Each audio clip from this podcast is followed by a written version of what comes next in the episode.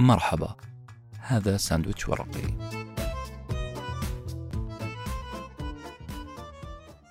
So good they can't ignore you. كن بارعا لدرجة لا يمكن أن يتجاهلك أحد. قام بإلقاء هذه الحلقة أحمد كما قام بعمل المونتاج الصوتي فريق محتوايز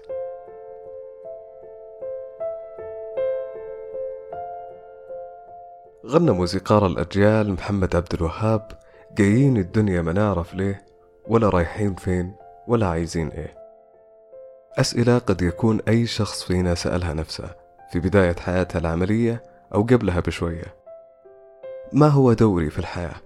ما هو مشروعي في المستقبل؟ إيش هو تخصصي وعملي المستقبلي؟ لو حصل وسألت نفسك هذا السؤال حتلقى النصيحة المعروفة اعمل ما تحب لتحب ما تعمل. اجري بكل قوة خلف أحلامك. بالعربي اتبع شغفك. الشغف هي الكلمة التي يهاجمها كتاب اليوم. هي الكلمة التي استخدمت بطريقة خاطئة. كتاب اليوم اللي بعنوان So good they can't ignore you. هاجم فكرة اتبع شغفك وبشراسة. وانطلق يكيل التهم والهجمات الواحدة تلو الأخرى ليثبت لنا أننا أسرى لما يسمى بخديعة الشغف. خديعة الشغف هي عقلية يعيش فيها الغالبية العظمى من الناس. الكتاب يحاول أن يحذرنا من عقلية اسمها عقلية الشغف Passion Mindset. تفترض بأن هناك شغف مسبق عند كل إنسان. وركزوا معي في كلمة مسبق.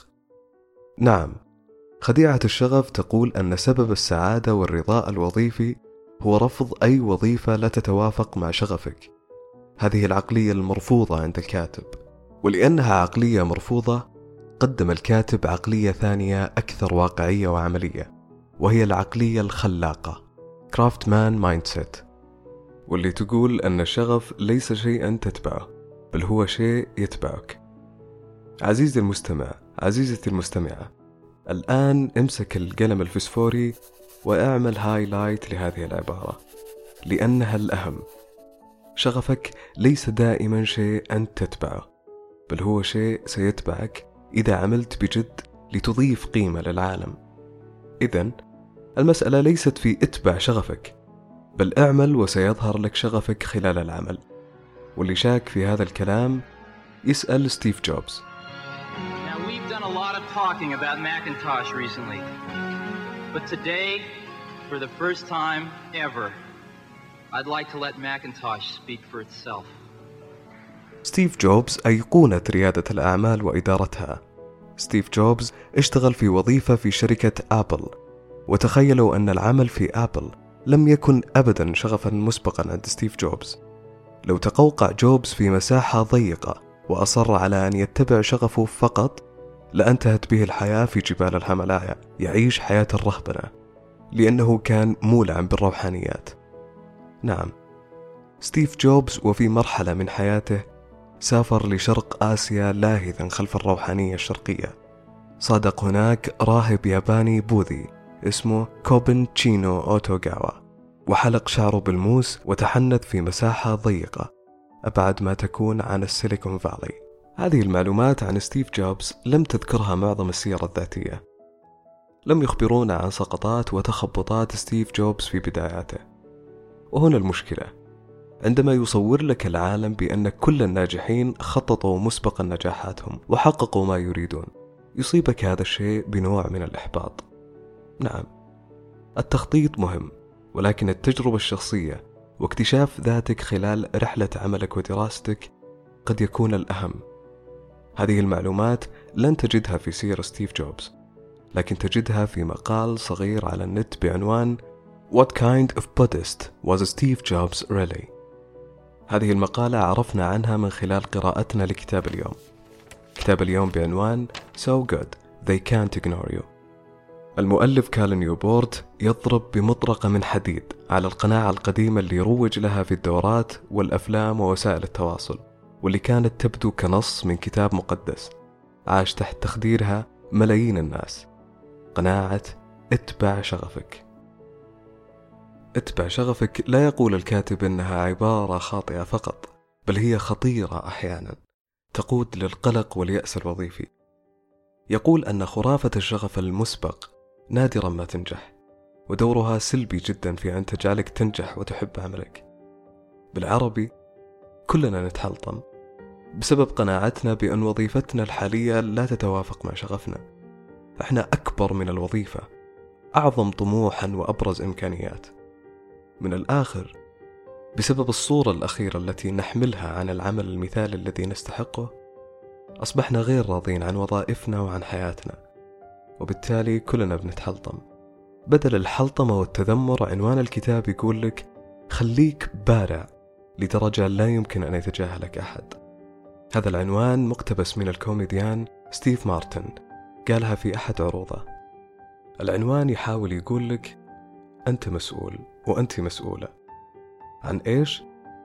عن تغيير الطريقة التي تفكرون فيها في وظيفتكم سعادتكم وصناعتكم لحياة ناجحة. والأهم شغفكم بوظيفتكم. أنت مسؤول عن نفسك مو الكرة الأرضية. الكرة الأرضية ليست مدينة لك بمكتب ومكيف وجاه ومال وشهرة. الوظيفة ما هي ثوب جاهز إلا بالقوة يكون على مزاجك. الحياة أشبه بمرحلة تفصيل ثوب. تتعرف لفترة من الزمن عن نوع القماش المناسب. هي عملية جمع بيانات وتطوير مهارات لحد ما تصل للثوب الحلم بالنسبة لك. بالعربي هي مهمتك أن تشمر عن ساعدك. تستكمل دورة الخبرة المطلوبة الجدية وساعات العشر آلاف تدريب على رأس العمل لتكتشف أن المهمة صعبة وليست مستحيلة. الشغف يأتيك أوتوماتيكيا بعد سنين من التجربة والعمل. يصبح شيئا ممتعا جزء منك من هويتك. هل هناك أجمل من هذا السيناريو؟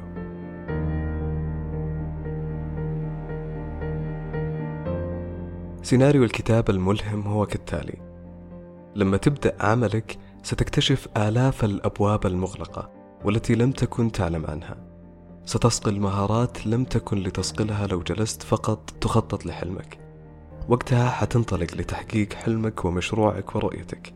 تبدأ معها حالة عشق ممنوع بينك وبين هذا العمل. ركز في رأس المال الوظيفي. المهارة هي شيء تكتسبه مع الوقت بعد ساعات وساعات من التدريب.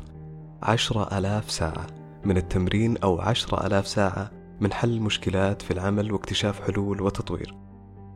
بغض النظر كان رقم عشرة آلاف دقيق صحيح أو حتى مبالغ فيه. لازم نعترف بأن التدريب المنظم والمركز يمدد قدراتك. تخيل دائما مستوى مهاراتك كهضبة ترتفع تدريجيا مع الوقت. النقطة المهمة اللي لازم نركز عليها. بينما أنت تبني رأس المال المهاري هذا ستتفتح كثير من الأبواب في طريقك.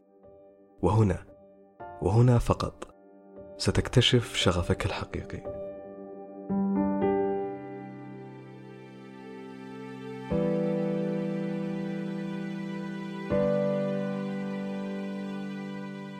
وأنت بتفتح الأبواب وتبني رأس المال الوظيفي المهاري. انتبه لكم حفرة حتقابلك في الطريق. الحفرة الأولى لحظات اليأس. احذر لحظات اليأس. بناء رأس مال وظيفي وتكوين شغف بالوظيفة يحتاج وقت ووقت طويل. أكيد جدا أنك ستمر بلحظات هبوط معنوي وشك في طريقك. تصالح مع هذه اللحظات وذكر نفسك أنها لحظات وتعدي وحترجع لروحك المعنوية المرتفعة. الحفرة الثانية تأكد أنك ستحارب وخصوصا من رئيسك. الذي سيحاول إيقاف تقدمك الجارف مهاريا ووظيفيا. لا تزعل إذا كان هناك من يحاول أن يحد من صلاحيتك واستقلاليتك. إذا كان هناك من يسفه مبادراتك اعتبرها مؤشرات واضحة تصرخ فيك أنت ماشي صح. لا ننسى أن هذه وجهة نظر فلنحذر من التطرف في رفضها أو أخذها. الشغف شيء مهم هو شعور جميل. يعيش وسط صدورنا بدون تكلف. المزعج فعلا هو استسلامنا لخديعة الشغف. رفض الفرص والعمل ورفض آلاف من المهارات اللي كان ممكن تكتسبها. فقط بسبب تصور مسبق عن ما هي الوظيفة التي تناسب شغفي. قد تنمي شغفك الحقيقي تكة تكة خلال العمل. أهم أثر لهذا الكتاب أننا حنفكر بطريقة أكثر توازنا. وإن كان عبد الوهاب الله يرحمه أبرز لنا تساؤل وجودي لما غنى قايين الدنيا ما نعرف ليه؟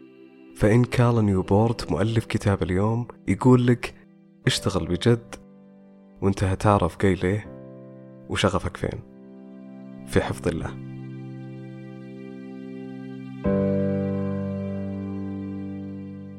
كنتم مع ساندويتش ورقي وجبة معرفية نتشارك لذتها.